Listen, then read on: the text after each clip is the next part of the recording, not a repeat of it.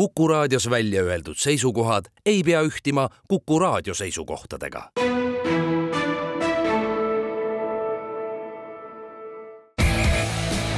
vutikohus. vutikohtul aitab pinget kruvida Pahv tere tulemast kuulama Kuku raadio jalgpallisaadet Vutikohus, mis on eetris igal neljapäeval ning mida juhivad Ott Järvela jalgpalliportaalist sokkernet.ee ja Andres Vaher Õhtulehest meie saadet saab tavapäraselt järelkuulata Kuku raadio koduleheküljel ja äpis Player ning samuti iTunesis, Spotify's ja Postimehe spordiveebis. vutikohus võtab igal nädalal jutuks aktuaalsed jalgpalliteemad ning tähtsamad kohtumised algab vutikohtu saja üheksakümne teine istung ning meie esimene päevakorrapunkt on möödunud nädala jooksul peetud tähtsamad jalgpallikohtumised ning kõigepealt võtame ette koduses premium-liigas toimunu. noh, tõsi muidugi Euroopa tippriikides äh, mänge praegu ei peeta, nii et äh, natukene hapukurgilik see meie esimene rubriik on, aga seda põhjalikumalt saame siis rääkida Premium-liigast, kus möödunud nädalavahetusel mängiti üheksateistkümnenda vooru kohtumised ning taaskord tuleb tõdeda, et kas siis tähendab, et üllatusi oli või siis hoopiski ei olnud, et kas see on üllatus, et Vaprus mängib kodus Paidega Viiki ja et Kalev võidab Kaljut, kas see on üllatus või mitte käimasoleval Premium-liiga hooajal? jah, kui vaadata Äh, tabelisse otsa, siis äh, on tõesti üllatus, et äh, seitsmendal kohal asuv Paide sai võõrsil kolmandal, vabandust, nüüd siis neljandal kohal asuva Pärnu käest viigi kätte. tõepoolest üllatus, kuigi su küsimus oli püstitatud vist vähe teistpidi. no eks ta oli ja et, et tegelikult see põnevus jätkuvalt püsib, et kas Paide ja Kalju tõepoolest ei suuda ennast hooaja lõpuks esinelikusse mängida ning äh, järjekordsed tulemused, kus mõlemad jäid äh, võidust ilma, üha suurendavad tõenäosust, et emb-kumb neist tõepoolest ei suudagi et noh, mõlemad lõpuks esinelikust välja jäävad, tundub jätkuvalt ebatõenäoline, sellepärast et äh, see nõuaks nii nendelt endilt mõlemalt ähm, hooaja teises pooles äh, alla ootuste mängimist kui ka nendelt äh, ülejäänud võistkondadelt, kes sinna esinelikusse pürgivad, ennekõike ikkagi Pärnu Vapruselt, Tallinna Kalevilt, noh, võib-olla muidugi ka FC Kuressaarelt, mine sa tea, need on, nemad on ka väga selline jõnksutav meeskond, kord väga head, kord siis jälle mitte nii väga, et neilt väga suurt õnnestumist ja et, et tegelikult, millele ma tahtsingi tähelepanu juhtida, et kui siin noh, jalgpalliavalikkus ka laiemalt on ju eelkõige rääkinud Pärnu vaprusest ja, ja Tallinna Kalevist kui suurtest üllatajatest, noh, mis on ka igati mõistetav ja loogiline, siis noh, tegelikult ju kui tabelisse vaadata, siis, siis FC Kuressaare on mäng vähem peetud ja näiteks vaprusega vahe ainult neli punkti. et eh, noh, väga suurt vahet seal ei ole, lihtsalt see Kuressaare olemine seal tippude kannul on juba on juba paarist viimasest hooajast saanud noh, kas nüüd just tavaliseks, aga harjumuspärasemaks. no nad eelmine hooaeg saavutasid viienda koha klubi ajaloo parim tulemus ja kusjuures seal sügisel mingil hetkel korraks tundus, et võivad äkki isegi Nõmme Kaljult äh, neljanda koha endale napsata, lõpuks sellest jäi siiski väga palju ja selgelt puudu, et seda, seda intriigi eelmise hooaja lõpus ei tekkinud. aga, aga praegu miks ka mitte äh, korraks veel sellest Pärnu-Paide mängust, et, et eh, noh, kuigi jah, võib öelda, et näed, tabeli seitsmendal õnnestus Vapruse käest viik saada, siis no tegelikult see mäng oli, oli ikkagi vastupidine, kus Paide oli mänguliselt selgelt üle, aga Pärnu väravvaht Ott Nõmm tegi suurepärast tõrjetööd ja päästis oma meeskonnale viigipunkti, seda kõike äh, ligi kahe ja poole tuhande pealtvaataja ees ehk et äh, Pärnu vaprus, nagu neil tavaks on, igal suvel ühel kodumängul kasutavad väga oskuslikult ära samal ajal toimuvat noorteturniiri Pärnu Summer Cup, mille osalejad enam-vähem kõik sellele mm, ühele konkreetsele vapruse mängule rannastaadionil tulevad ja ja sellise vahva vuti atmosfääri loovad, aga, aga sedapuhku siis õnnestus vaprusel siis ikka tulemust teha ning Igor Prinsi ja Pärnu vapruse väga hea hooaeg jätkub. üheksateistkümnest mängust ainult seitse kaotust, see on ikkagi täiesti, täiesti fenomenaalne saavutus võistkonnalt, kes eelmisel hooajal kaotas äh, kolmkümmend mängu, kui ma õigesti mäletan. ja see, see konkreetne mäng, äh, jättes nüüd publiku kõrvale, tuletas mulle mängupildi ja kogu kulgemise äh, mõttes väga meelde Pärnu vapruse mängu sealsamal staadionil Levadiaga mis lõppes samamoodi viigiga, kus Vaprus samamoodi kannatas ja kannatas ja lõpuks äh, kannataski ära. no vot, aga see on väga ja. hea näide võistkonna vastupidavust, kusjuures vaatasin, kontrollisin üle, kolmkümmend üks mängu kolmekümne kuuest eelmisel hooajal Vaprus kaotas, sel hooajal üheksateistkümnest ainult seitse kaotanud. nii et, et see, see on see vastupidavus, see on see südikus, mis sinna võistkonda on sisse ehitatud ning, ning nii nende kui ka nüüd Tallinna Kalevi puhul oli ikkagi näha, et jah, seal juuni alguse mängudes läks neil mõlemal keeruliseks, sest siis oli pikk mängude tsükkel selja taga, puhkust polnud olnud, koosseisud mõlemal olid jäänud väga hõredaks said koondise pausi ajal mõlemad natukene värskust koguda ning nüüd koondise pausilt naasti niimoodi, et kahe mänguga neli punkti mõlemal. sellepärast jah, et kui Vaprus tegi Paidega viigi, siis Tallinna Kalev mängis kohtumise lõpuga üle Nõmme Kalju ja võitis Kaljut äh, kaks-üks. ja ma enne veel ütlen, äh, kui sa tõid Vapruse kohta selle, selle võitude bilansi, siis äh, Paide kohta saab tuua täpselt vastupidise ja ilmeka näite üheksateistkümnest mängust neli võitu.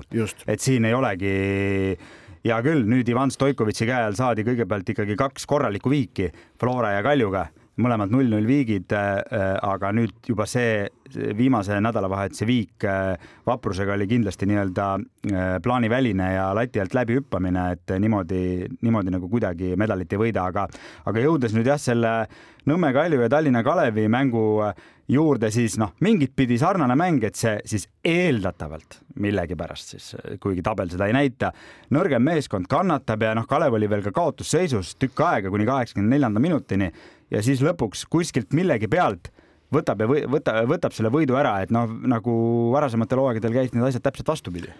no ja, aga mängu vaadates ei olnud see Kalevi võit lõpuks äh, loogikavastane või selline väga ootamatu, sellepärast et taaskord juhtus Nõmme Kaljuga see, et teise poole keskel äh, nende mäng jäi lihtsalt seisma.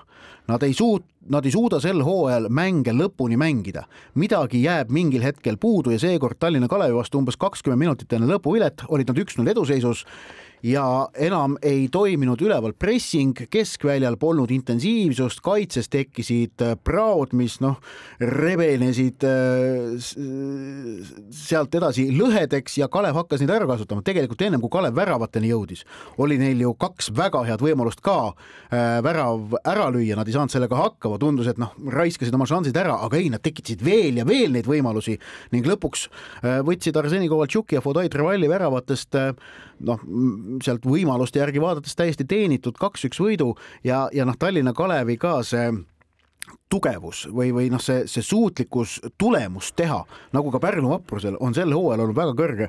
Ja muuseas Tallinna Kalevi statistikast rääkides, siis neil on muidugi ikka täiesti fenomenaalne näitaja see, et meeskond on sel hooajal võitnud siis üheksateistkümnest mängust kaheksa. Ja kõik need kaheksa võitu on tulnud võõral väljakul, mis on sõge statistika.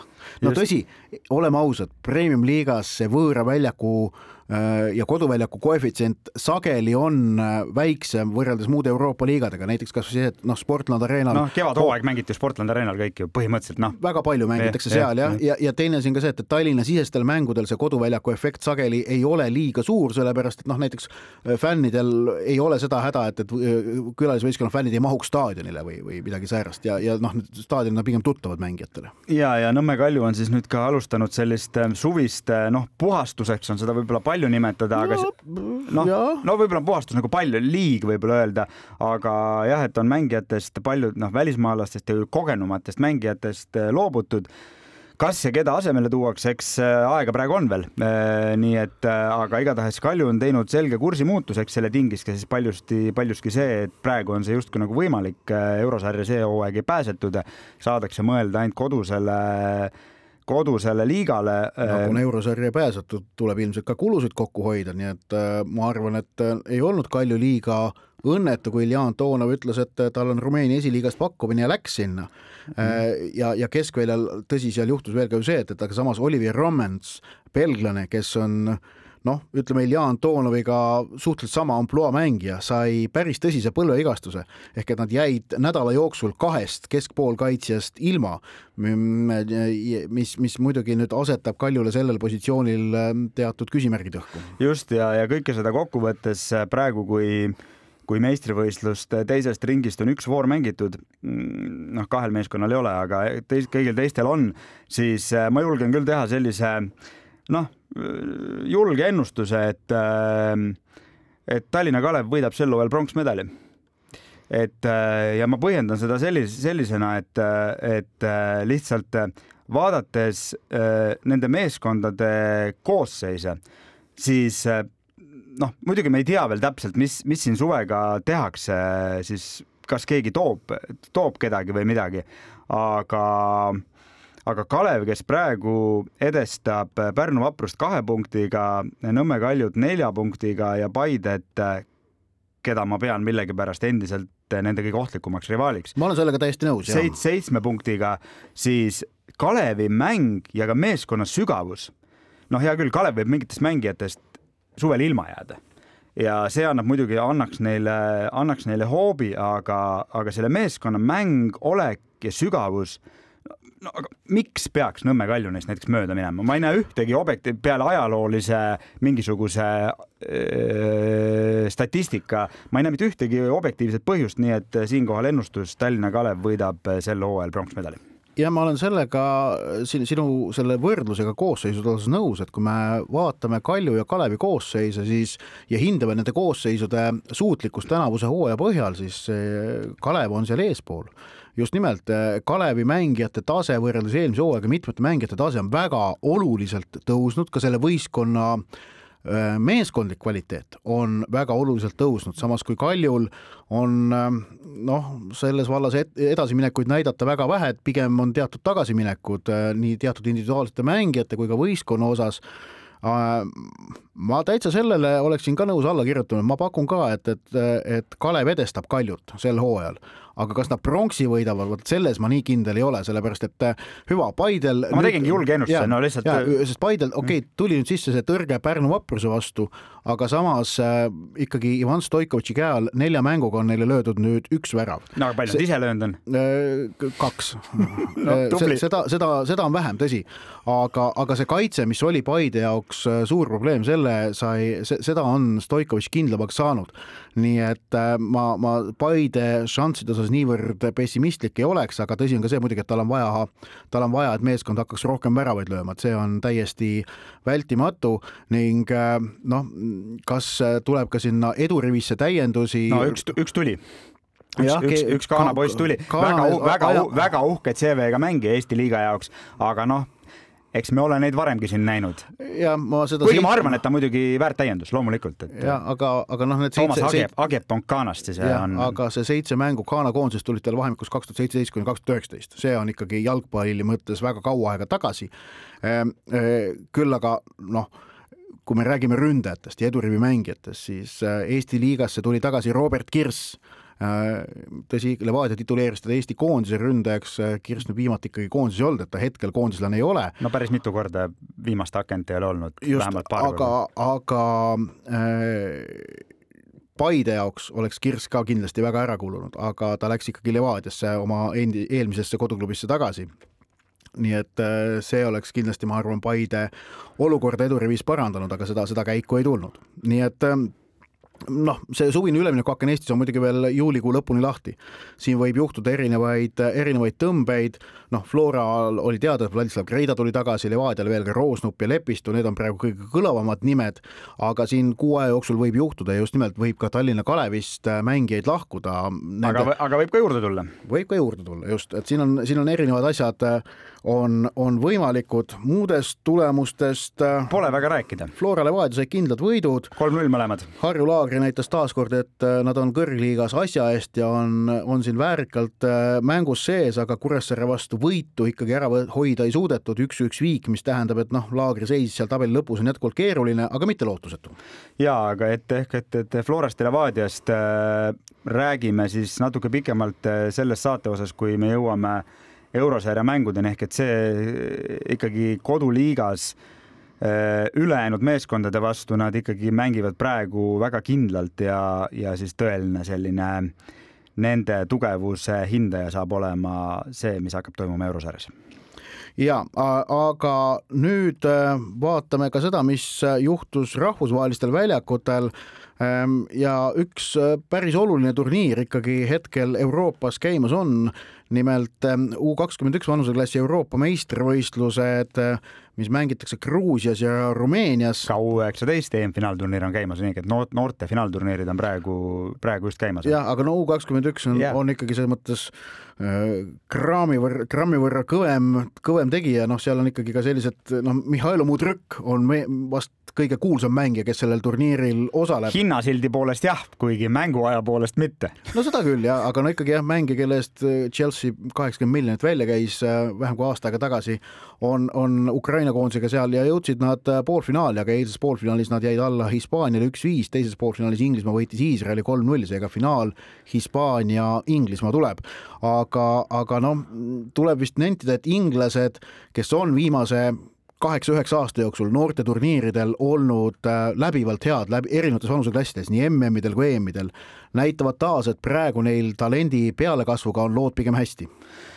Ja et äh, noh, see Iisraeliga mäng ka võideti väga kindlalt, äh, oldi mänguliselt üle, aga mis nagu põrmugi ei tähenda, tegelikult selle Iisraeli kohta ma tahaksin kaks sõna öelda, et noh, noorte jalgpalli me siin ka oma saates ja üldse Eesti võib-olla meedia, jalgpallimeedia pildis noorteturniire väga ei kajastata loogiliselt, aga aga Iisraeli noortekoondised kõikvõimalikes vanustes viimastel aastatel on väga edukad ja stabiilselt edukad, et see ei ole mitte mingisugune ühekordne edusähvatus ja ja selle kõige taga, noh, Iisrael ei ole ju mingi suur riik eh, ega suur jalgpalliriik aga selle, selle kõige taga on, on väga läbimõeldud äh, töö ja tegevus. Äh, Iisraeli praeguses U kakskümmend üks koondises eilses algkoosseisus oli üks või kaks välisklubide mängijat, üks on siis nende noh, nii-öelda selle koondise kõige suurem staar on RB Salzburgis mängiv Oskar Glauch, ründav poolkaitsja. aga kõik on koduklubide mängijad, et kui me mõtleme Iisraeli liiga, aga see kõik on väga läbimõeldud töö need äh, korraldatakse pidevalt koondistele kogunemisi. Äh, endine Eesti koondise peatreener Elle Huss on muideks endine siis Iisraeli jalgpalliliidu noortetöö tehniline direktor, on selle süsteemi, noh, tegelikult võib öelda aluse panija sellele ja no, ütleme, kes tänaseks on nüüd UEFA-s, UEFA-sse jõudnud ja just, see. just nimelt, et Jelle Hussi töö seal oli sedavõrd edukas, et ta on praegu siis Euroopa. jah, ta vahepeal käis ka küll veel Hollandis, aga. aga, aga hetkel ta töötab UEFA tehnilise direktorina, et ta on mm. nagu Euroopa jalgpalliliitude tehniliste direktorite nii-öelda koordinaator mm., mis on päris kõva ametipositsioon. no see on ikka väga kõva ametipositsioon, et et ja, ja see on lihtsalt hea näide sellest, et, et läbimõeldud tegevusega ka sellistes noh, ütleme siis kesk, keskmise tugevusega jalgpalliriikides on võimalik edu saavutada küll, kuhu see nüüd muidugi Iisraeli pikemas eh, vinnas A-koondise läbi viib, eks me seda näe, aga see on kõige selle alus, nii et, et noh, et see, et Inglismaa, Hispaania on nüüd on, on finaalis, noh, paljud pakkusid Prantsusmaad, aga noh, kõik sinna jõuda ei saa. ja Hispaania jäi siis eilses poolfinaalis Ukraina vastu küll, Ukraina, kes on ka olnud noh, arvestades kõike, mis riigis toimub, väga positiivne üllataja teist, teistpidi siis Ehm, aga no lõpuks lihtsalt rammu ei jagunud, läksid juhtima, aga lõpuks see Hispaania teerull sõitis üle ja, ja laupäeva õhtul siis meid ootab kindlasti väga huvitav finaal. vutikohus, vutikohtul aitab pinget kruvida Pahv vutikohtu saja üheksakümne teine istung jätkub ning siirdume juttudega naiste jalgpalli juurde. naiste jalgpallis on suvi kaks tuhat kakskümmend kolm oluline, tegemist on maailmameistrivõistluste suvega teise, vabandust, isegi kolmanda suvega järjest, kui mängitakse äh, tiitli, äh, suure tiitli peale, sest kui kaks tuhat kakskümmend üks oli mängus olümpiavõit, mille pälvis Kanada naiskond, kes alistas finaalis Rootsi. Eelmisel aastal mängiti Euroopa meistritiitli peale, mille võitis Inglismaa naiskond, kes oli finaalis üle Saksamaast, siis tänavu on kavas maailmameistrivõistlused, muidugi noh, normaalrütmi puhul poleks kolme tiitlivõistlust järjest olnud, aga kuna olümpia ja EM nihkusid koroona tõttu ühe aasta võrra edasi, siis on kolmandat suve järjest naiste jalgpallis äh, finaalturniiri või sellise suure tiitli ähm, mängu äh, paneku aeg. Ja maailmameistrivõistlused algavad Austraalias ja Uus-Meremaal kahekümnendal juulil, kahe nädala pärast. me kindlasti jõuame vutikohtu saates rääkida ka, kui see finaalturniir lähemale nihkub, natukene sellest, et kes selle turniiri soosik on ja turniiri käigus hoiame ka võistlusel kahtlemata silma peal, muuseas ka Eesti Rahvusringhääling sel suvel naiste MM-finaalturniiri näitab oluliselt suuremas mahus kui varem, kus esimest korda stuudioga. kusjuures ja alates veerandfinaalist, veerandfinaalidest kohtumised äh, stuudioga, nii et äh, saab äh, igati sellist täis jalgpallipaketti nautida, mis on väga teretulnud. aga räägime kaks nädalat enne naiste jalgpalli MM-i algust üldse sellisest laiemast teemast nagu naiste jalgpall ja seal liikuv raha ning selle raha tekitatavad mullistused sellepärast et oleme ausad, viimase kahe-kolme kuu jooksul seoses naiste jalgpalli MM-iga on väga palju olnud äh, ikkagi erinevad finantsküsimused terava tähelepanu all e. E algas see kõik kevadel suuremat sorti skandaaliga teleõiguste osas. ja, ja see teleõiguste vaidlus tegelikult võib isegi öelda julgelt, et äh, viimastel kuudel äh, enne MM-i lähe-, noh siis algust lähenemist äh, on isegi sportliku poolt äh, sellises maailma meediapildis isegi ma ütleks varjutanud, et sellest on olnud juttu kahetsusväärselt rohkem kui sellest Äh, kes läheb, millised on võimalused ja kõik muu. noh, eks see mingit pidi on ka selline ajastu näitaja, et, et kes nende teleõiguste osas siis ikka vaidlevad, kui suured korporatsioonid ja, ja kus need mõjud on ja siis nemad seda, seda tekitavad, aga, aga tõepoolest see, see vaidlus on kestnud äh, juba, juba kuid ja.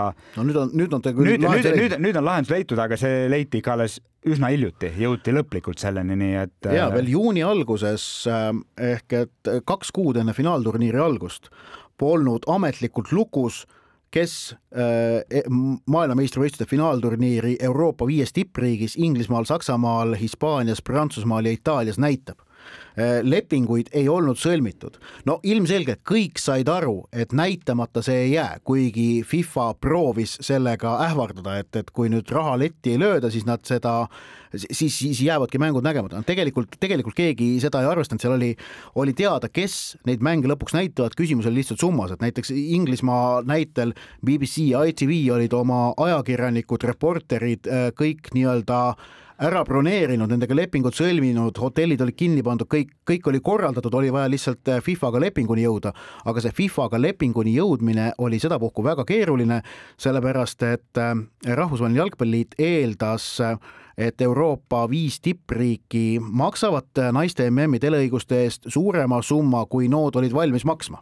ja noh, tegelikult nüüd jõudes asja sisuni, Äh, ja sisust kohe, noh, siis on minu isikliku järelduseni tegelikult äh, ma arvan, et võib julgelt öelda, et äh, et FIFA ise nagu mingit pidi noh, küll tagantjärele tarkusena, aga noh, alahindas seda naiste jalgpalli MM-i tähendust ja jäi mingit pidi nende MM-i õiguste müügi või õigemini selle eraldamisega nagu sellest täispaketist, varem siis toimis naiste MM, meeste MM-i müüdava paketi ühe osana. no, no põhimõtteliselt oli nagu Brežnevi pakike, et, et ostsid meeste MM-i no nagu, nagu, nagu, nagu ka ERR on seda nagu terve paketina ostnud. jah, ja naiste MM anti kaasa. see varem, varem käis see niimoodi ja, ja noh, see käis veel niimoodi ka kahe tuhande üheksateistkümnenda aasta naiste MM-i puhul, aga, aga siis oli juba tegelikult, kui, kui veel kaks tuhat viisteist naiste MM-i puhul, see mängiti Kanadas kunstmuru staadionitel, kusjuures täies mahus, mis tekitas toona omajagu skandaali, aga, aga tegelikult oli seis see, et kaheksa aastat tagasi meil naiste mm mängiti täies mahus kunstmuru staadionitel Kanadas äh, no et toona see veel oli põhjendatud tegelikult, sellepärast et toona see tuli naiste MM-ile kasuks, et nad, nad said seeläbi rohkem nähtavust, see võistlus. siis äh, nüüd neli aastat tagasi Prantsusmaal see enam kahtlemata niimoodi ei olnud. ja aga tegelikult see ikkagi võib öelda, et noh, siis veel mitte buumina, aga tõusuna eh, naiste jalgpalli levik on alanud ikkagi väga selgelt Euroopast Äh, sellepärast et MM ja EM naiste, MM ja EM naiste jalgpalli kontekstis on ikkagi väga palju erinevad võistlused. EM on ikkagi väga tihe ja sportlikult, just sportlikult tihe võistlus. mm seda, seda ei ole, noh, tegelikult ka, mis kehtib meeste MM-i kohta, lihtsalt seal need skaalad ja võrdlused on, on oluliselt määral teised, aga juba noh, võib öelda, et alates kaks tuhat seitse naiste EM-is see tõus algas. kaks tuhat seitseteist pigem. kaks tuhat seitseteist, jah, ma ütlesin, seda mõtlesingi, et ja lihtsalt FIFA võib-olla noh, iseenesest ju plaan müüa Äh, naiste MM-i eraldi, kui me seda tänases reaalsuses vaatame, on igati loogiline, aga sellega jäädi võib-olla natuke hiljaks, mis tegelikult ei ole üldse imekspandav. ja, ja kuna jäädi hiljaks, siis nüüd oligi olukord, et tegelikult esimest korda üldse praegu naiste MM-i müüdi eraldiseisva tootena. tegemist on uudistootega äh, kõik on ilmselt nõus sellega, et naiste jalgpalli vastu huvi on praegu suurem kui kunagi varem ja et see huvi tulevikus üha paisub, see on arenev valdkond, see on kõige kiiremini arenev spordiala maailmas, ma, ma ise arvan seda jätkuvalt, et see nii on. Ähm,. no ma äh, panen diskgolfi siia kõrvale, lihtsalt lambist ühe ala. Ja aga ma endiselt arvan, noh, kuna naiste jalgpallil on abiks need võimsad mootorid Euroopa tippklubide näol, kes äh, pea no, eranditult kõik ala, on võtnud ala, alaliidud ka noh, samamoodi. ja alaliidud, aga, aga ka tippklubid, kes on pea eranditult võtnud ikkagi naiste jalgpalli enda all nüüd äh, noh, programmiliseks arendusasjaks. Eh, need katalüsaatorid on väga võimsad, nendele maailma spordis naljalt ikkagi eh, rivaali ei leia ja et, et ühesõnaga kõik on nõus, et, et valdkond on väga-väga potentsiaalikas, aga see, mida konkreetsel ajahetkel praeguse naiste jalgpalli mm väärt on, ikkagi keegi ei tea. FIFA arvas ja lootis ja tahtis, et see oleks väärt rohkem eh, need telejaamad, kes nendes Euroopa viies tippriigis pidid mänge näitama, leidsid, et need summad ei ole ikkagi niivõrd suured, mida nad peaksid välja käima. nüüd meeste MM-i puhul mitte kunagi säärast olukorda ei tekiks, siis ütleks FIFA, et Joe Baka lähevad, lähevad konkurendi juurde ja võtavad järgmise, aga praegu oli olukord säärane, et seda konkurenti tegelikult võtta ei olnud. et, et oli ikkagi suhteliselt paigas, et, et seda naiste MM-i tahavad näidata kindlad jaamad ja, ja eelkõige, eelkõige äh, avalik-õiguslikud ringhäälingud äh, ja nende käest äh, siis äh, proovis FIFA saada kätte suurema rahasumma, kui nad olid nõus maksma, noh, seal natukene tulid need telejaamad lõpuks vastu, aga suures plaanis ikkagi mitte. no mis, mis näitab ju tegelikult seda, et, et noh, kõik on maailma jalgpalliüldsus on jõudnud ühisele arusaamisele, et naiste jalgpall äh, on väga potentsiaalikas ja väga, väga kasvanud organ nii-öelda tervikuna, aga samas ikkagi praegu käib veel nagu turu paikapanek tegelikult just. väga selgelt ja see tekitabki selliseid mullistusi. just, et, et noh, avalikkuse tähelepanu on tohutu, aga samas just nimelt tegemist on ikkagi veel väga toore tootega. just ja me räägime ikkagi nagu väga suurtest summadest ka isegi nende, nende korporatsioonide jaoks, noh, mis ei ole vaesed, aga aga noh, miks nad peaksid siis maksma, noh, igal asjal on hind. ja miks FIFA äh, soovis, et, et need summad oleksid suured. otse loomulikult eh, FIFA ülesanne tegelikult ongi oma hallata oleva toote, antud juhul naiste MM-i väärtust tõsta võimalikult kõrgele.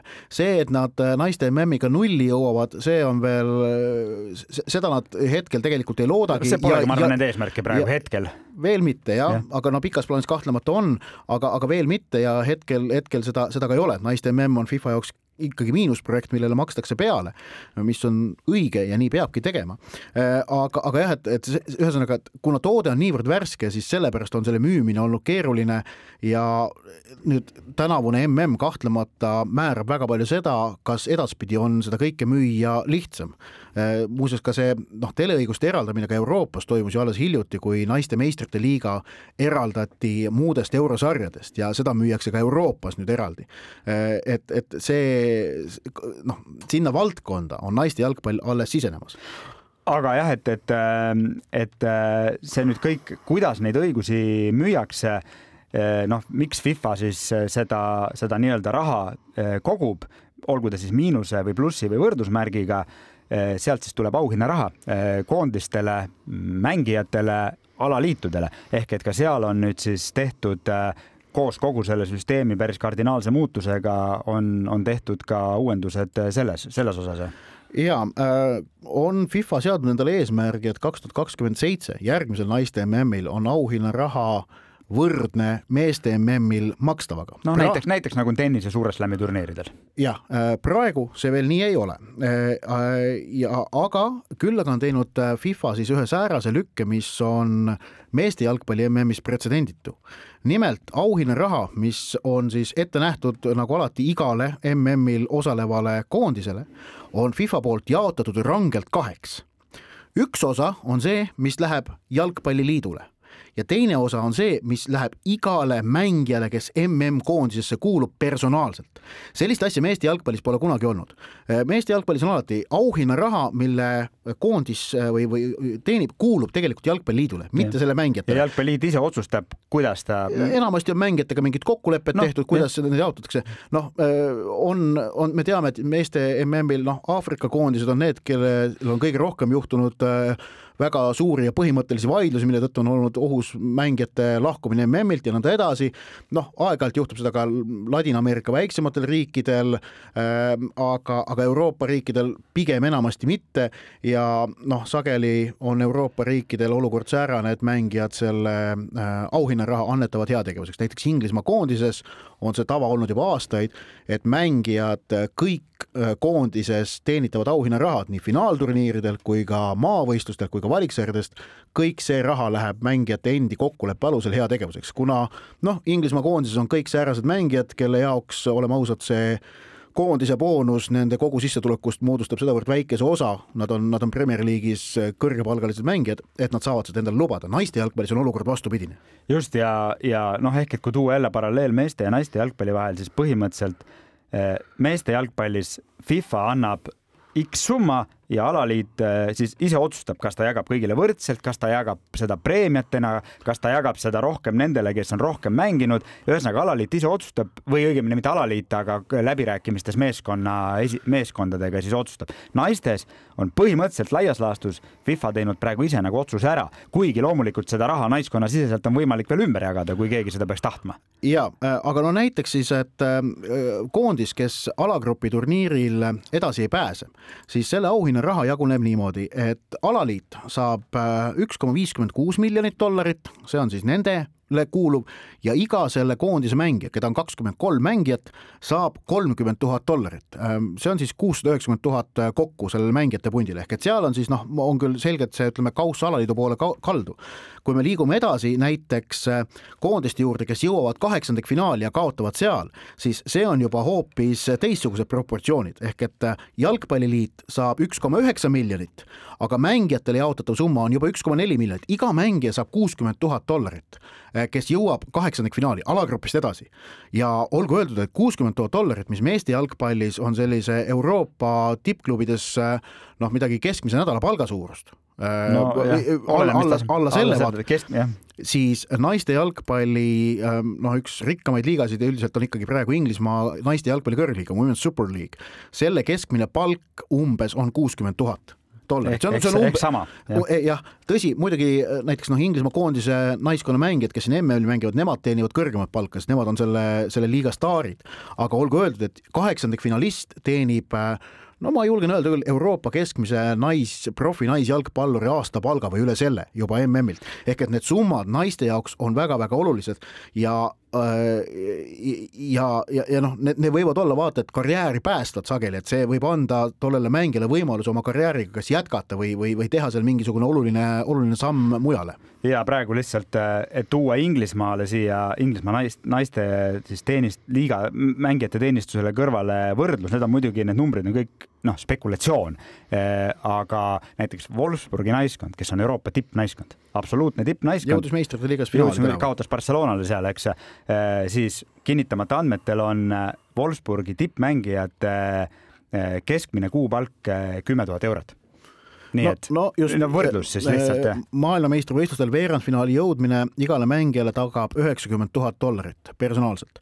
Ehm, noh, ütlen siia kõrvale näiteks ja, ja noh, et ühesõnaga see on FIFA poolt tehtud otsus, see on vaatamata sellele, et see otsus on tehtud, siis on ikkagi tekkinud ka pahameelt, näiteks Inglismaa naiskonnas, selles samas Inglismaa naiskond leiab, et, et see tegelikult ei ole piisav mida FIFA reeglite alusel neile eraldatakse, nad, nad, nad eeldasid, et Inglismaa jalgpalliliit on nõus nii-öelda alaliidu osast ka veel mingi osa mängijatele andma vastavalt tulemustele.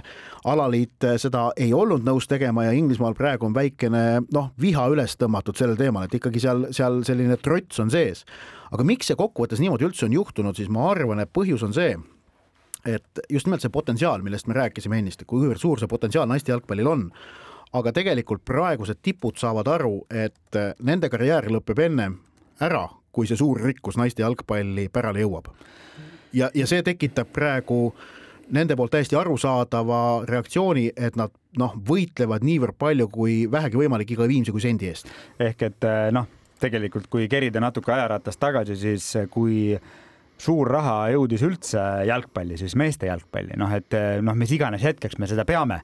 Et eks ta ei ole, ei toimunud sellist ühte plahvatust, see on olnud pidev protsess, aga fakt on no, see, et satelliittelevisioon ikkagi tõi väga palju seda. et see viimaste kümnenditega see on toimunud ja noh, nagu jalgpallimäng ise, siis ka need teenistused ikka viimaste kümnenditega ka meeste tippjalgpallis on nagu väga-väga hüppeliselt äh, tõusnud. Ehk et äh, meeste jalgpallis kõik see, küll mitte siis selles mudelis ehk et kuidas seda jagati tiitliturniiridel, aga üleüldse klubides teenitavad rahad need siin noh, ütleme näiteks mingitel võib-olla üheksakümnendatel võisid ka mingisugused tippmängijad mõelda sarnaselt. Nagu praegu seda, mida Ott kirjeldas naiste jalgpalli eh, jõudmisena, ütleme siis jämedalt võib-olla kolmkümnendit hiljem, nii et eh, noh, sellised protsessid toimu-, toimuvad ja sinna ei ole, on see hea või halb, sinna ei ole, nii on lihtsalt vot, naiste jalgpalli MM-i alguseni on praegu jäänud kaks nädalat, kahtlemata äh, Äh, ma tahaks loota ka Eesti spordiajakirjanduses, aga kindlasti äh, inglisekeelses ja välismaises jalgpalliajakirjanduses leiab selle turniiri kohta seniolematult professionaalse kajastuse.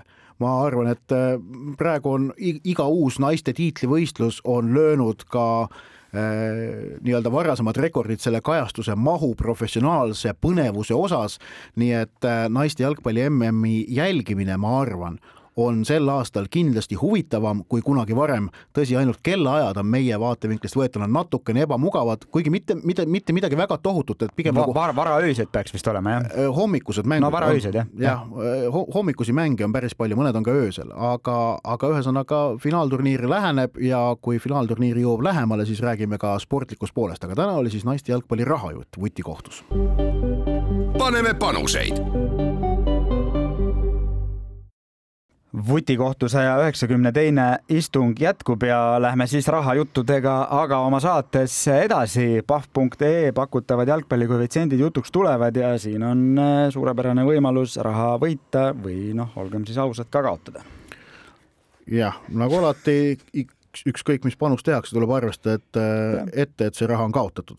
nii, aga. eriti kui kuulad Oti pakkumisi. jah, alustan äh, reede õhtul, homme õhtul Paide ja FC Flora mängivad, see on mõlema meeskonna jaoks viimane matš enne järgmisel nädalal peetavaid eurosarja kohtumisi ning äh, see mäng toimub Paide linnastaadionil, mis on mõõtmetelt väike see on üheksakümmend meetrit pikk staadion, see on absoluutne miinimum, mis jalgpallireeglitega lubatud on ja oleme ausad, aegade jooksul Paide linnastaadionil null-null viike on mängitud ikkagi no keskmisest rohkem.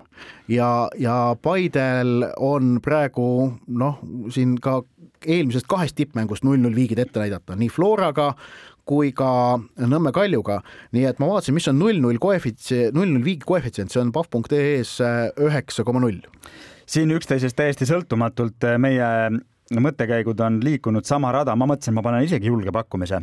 Alla, alla pooleteist värava, kolm koma kaks kes tahavad nagu veel turvalisemat raha, siis nendele vihje, et alla kahe ja poole värava on üks koma seitse, mis on ka hea koefitsient. minu teine pakkumine puudutab laupäeva õhtul mängitavat U kakskümmend üks vanuseklassi Euroopa meistrivõistluste finaalmängu. Inglismaa on jõudnud finaali niimoodi, et neile pole viie mänguga löödud mitte ainsatki väravat, et Hispaania neile normaalajal väravat ei löö, koefitsient kolm koma kolm ja noh, Hispaania on muidugi natuke teine tera kui nende senised vastased, aga iseenesest äh, pakkumine on huvitav. mul on ka sellest mängust äh, üks panustamisvariant välja vaadatud ja see on selline ekstravagantne pakkumine suhteliselt, et selles mängus on viik tablool nii normaal või nii pool kui normaalaja lõppedes koefitsiendiga neli koma seitsekümmend viis minu kolmas pakkumine puudutab ähm, Põhja-Ameerika meistrivõistluste veerandfinaali, mis mängitakse pühapäeva varahommikul Eesti järgi Mehhiko ja Costa Rica vahel. Äh, tõenäosus või koefitsient on mõlemad skoorivad üks koma üheksakümmend viis ja sealt võib tulla suhteliselt lõbus mäng küll. minu viimane pakkumine on reede õhtu. Costa Rica viimane mäng oli vist kuus-neli või? Mingi niisugune tulemus oli. Nad võitsid Martiniiki kuus-neli jah no,, Guadalupat. ja minu viimane pakkumine on siis homsest õhtupoolikust, nagu varem oli jutuks, käib praegu ka U üheksateist vanuseklassi EM-finaalturniir. Ja seal on siis alagrupis vastamisi Hispaania ja Kreeka. Ja, ja see, kuidas Kreeka mängis viima-, esimeses voorus Norra vastu jäi null viis taha, lõpuks küll kaotas neli-viis, väga sihuke lõbus mäng oli. see, see Kreeka kaitsemäng oli midagi päris koledat. Hispaania võidab selle mängu rohkem kui ühe väravaga koefitsiendiga kaks koma kaksteist. paneme panuseid vutikohtu saja üheksakümne teine istung alustab oma viimase osaga ning kuna järgmisel nädalal ootavad Eesti äh, jalgpalliklubisid ees kohtumised eurosarjades, siis peatume saate lõpus põgusalt nendel kohtumistel, mis kõik lõpevad enne, kui meie järgmise nädala saade eetrisse läheb, tõsi, me järgmisel saates jõuame nendest neljast mängust rääkida kahest, kuna me oma saadet salvestame neljapäeva hommikuti. aga järgmisel teisipäeval FC Flora mängib äh, Tšestohova Rakovi Poola meistriga meistrite liigas, konverentsiliigas kolmapäeval Paide linnameeskond vastamisi Fääri saarte klubiga Torshavni B kolmkümmend kuus, neljapäeval Narva Trans Jerevani Pjunikuga Armeeniast ja FC Levadia MSK Žilinaga Slovakkiast, kõik neli Eesti klubi mängivad esimese mängu võõral väljakul nii et äh, järgmisel nädalal neli olulist Eesti jalgpalli jaoks väga olulist mängu toimuvad Poolas, Fääri saartel, Armeenias ja Slovakkias. Ja alustades siis sündmuste järjekorras ja noh, kuna meistrite liiga on ikkagi meistrite liiga, siis ka tähtsuse järjekorras, siis äh, FC Flora kohtumine võõrsil Rakoviga saab olema oodatud mäng, aga suure tõenäosusega üks paras no reaalselt võttes üks kannatuste mäng, äh, tuleb valmis olla väga raskeks mänguks. Äh, mm, Poola meister, äh, kes tõsi küll, on hooaja vahel vahetanud peatreenerit, jäi või on jäämas, ma täpselt ei tea, kas see tehing on tehtud oma esiründajast, Läti koondise esiründajast muideks, Vladislav Skutkovskis on Rakovist äh, Äh, lahkumas, äh, kui ma nüüd ei eksi ka, siis sinna kuhugi äh, Aasia kanti täpset riiki ei, liigat praegu ei mäleta, aga kokkuvõttes sellel suuremat tähtsust ei ole, ühesõnaga tema lahkub sealt klubist. ehk et Rakov on ka teinud siin suve jooksul ähm, üle teatavaid ümberkorraldusi, hooaeg neil ei käi, nad on ettevalmistusfaasis ja kõik need tegurid on, annavad tegelikult, suurendavad Flora võimalusi päris selgelt. jah, aga need Flora võimalused sellest paarist edasi pääseda on ikkagi äh, pigem väikesed no,. Raakov on, Raakov on selge soosik, nagu on ka Žilina Levadia vastu soosik, aga, aga noh, ka Žilina puhul see nüüd ei ole mingi võimatu missioon, kuigi Slovakkia kõrgliiga on Eesti omast selgelt tugevam, aga noh, Žilina eelmine hooaeg Slovakkia kõrgliiga kuues sats, ennekõike noortest Slovakkia mängijatest koosnev võistkond, Levadial koondise kogemust on meeskonnas kindlasti rohkem kui Žilina meeskonnal, see võib anda jällegi Levadiale mingisuguse noh, natukene suurema šansi, kui see muidu oleks.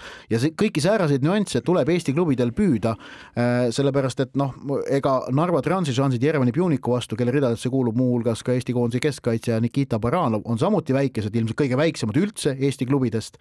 noh, Paide linnameeskonna šansid Torshavni B kolmekümne kuue vastu Fääri saarte ühe ühe tippklubi vastu, ma arvan, on enam-vähem, enam-vähem võrdsed jah. Ja.. küll aga Paidet ootab väga vahval staadionil nüüd mäng ees, see Torshavni staadion, kus B kolmkümmend kuus ja tolle linna nüüd teine tippklubi, mille nimi mul hetkel meelde ei tule, mängivad äh, KB, HB, HB, HB Torshavn mängivad, see on säärane pullstaadion, kus siis väljaku ühel küljel on üks selline pikk küljetribüün, see on puust, see on vana ja seal on siis alati külalisvõistkondade fännid ja siis väljaku teisel külje taga on kaks identset väikset tribüüni, väikest tribüüni, üks B kolmekümne kuue värvides, teine HB värvides. mõlema klubil on oma nii-öelda pisikene küljetribüün. see on, see on täiesti, täiesti erakordne staadion, sellist asja noh, mujal maailmas ei näe, aga noh, Fääri saartel näeb. ja no Fääri saartel üldse need staadionid, arvestades kogu seda maastikku seal ümber on, on, on, on ka mu, muus on mõttes on erakordsed, aga. ma mäletan, kuidas Eesti, siis kui Eesti Fääri saartele null kaks kaotas, kuidas kas oli Kaimar Saag või Kristjan Viikmäe, vist oli Kaimar Saag, kes oli üks-ühele läbi Paide praegune ründaja, endine B kolmekümne kuue mängija muuseas ja no lõi ikka nii jõuliselt üle värava, et pall lendas üle staadioni ja sinna kuskile ookeani poole. hea, et merre ei läinud just jah, aga, aga tõesti, et ühesõnaga, et kui võtta see kõik kokku, siis Eesti klubide äh, loosid on no ühel parem, teisel halvem, kolmandal veel parem ja veel halvem, aga äh, kokkuvõttes on sellised äh, pigem, pigem raskemad kilda ja noh, eks me saame siis nüüd, nüüd näha, et loomulikult on esialgu me räägime ainult kaheosalistest mängudest. noh, Floral neid mänge tuleb kindlasti veel, isegi kui, isegi kui selles Rakoviga duellis kaotatakse küll mitte kohe, sellepärast et sel juhul langetaks konverentsiliigasse, kus siis teises ringis oldaks äh, mänguvabad no,. kuu aega tuleb mängupaus. just ja jätk-, jätk-, kolm nädalat. ja jätkataks kolmandas äh, ringis, aga me loomulikult loodame, et, et, et seda, seda ei juhtu, et, et pääsevad edasi, aga aga ühesõnaga kõikide klubide vastased on, on piisavalt tugevad selleks, et nende võitmine äh, oleks üks, üks väga vinge tegu, aga mitte kellelgi midagi sellist, mis on, oleks, oleks kategooriast võimatu. ja aga noh, selliseid kohustuslikke võite no vaata... Eesti klubidele annab nagu välja mõelda, aeg-ajalt on, aga. no, no ütleme tegelikult varasematel hooaegadel. no San Marinod ja asjad on, on olnud. on nagu olnud ikka ja noh, seal on ka Gibraltari satsid ja, ja. no nende Gibraltari satsidega on meil ka.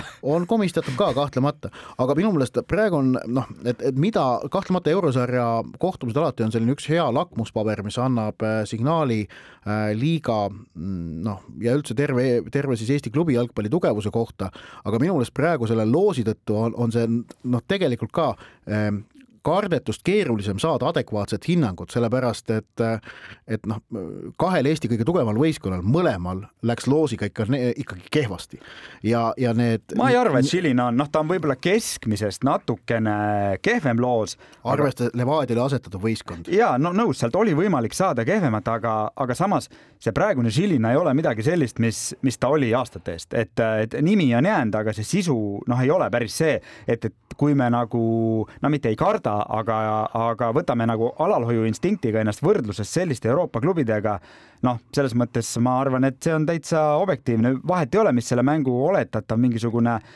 kes seal soosik on, aga noh, selliste meeskondadega ongi vaja ennast võrrelda, kui tahta meeskonnana ja liigana areneda.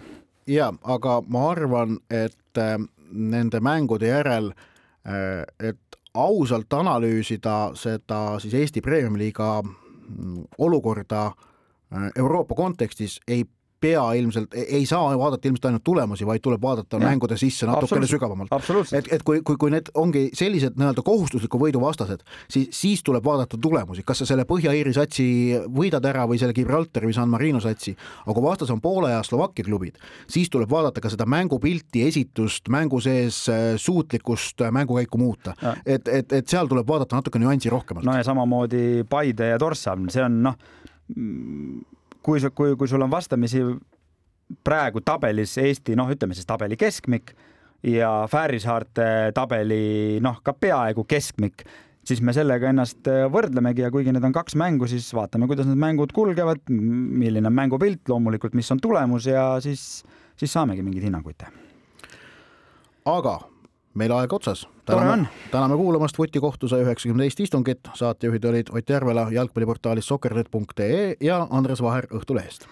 uuesti eetris oleme jälle järgmisel neljapäeval kell kakskümmend üks ning meie saadet on võimalik järelkuulata Kuku raadio koduleheküljel ja äpis Player ning samuti iTunesis, Spotify's ja Postimehe spordiveebis. Kuulmiseni. vutikohus.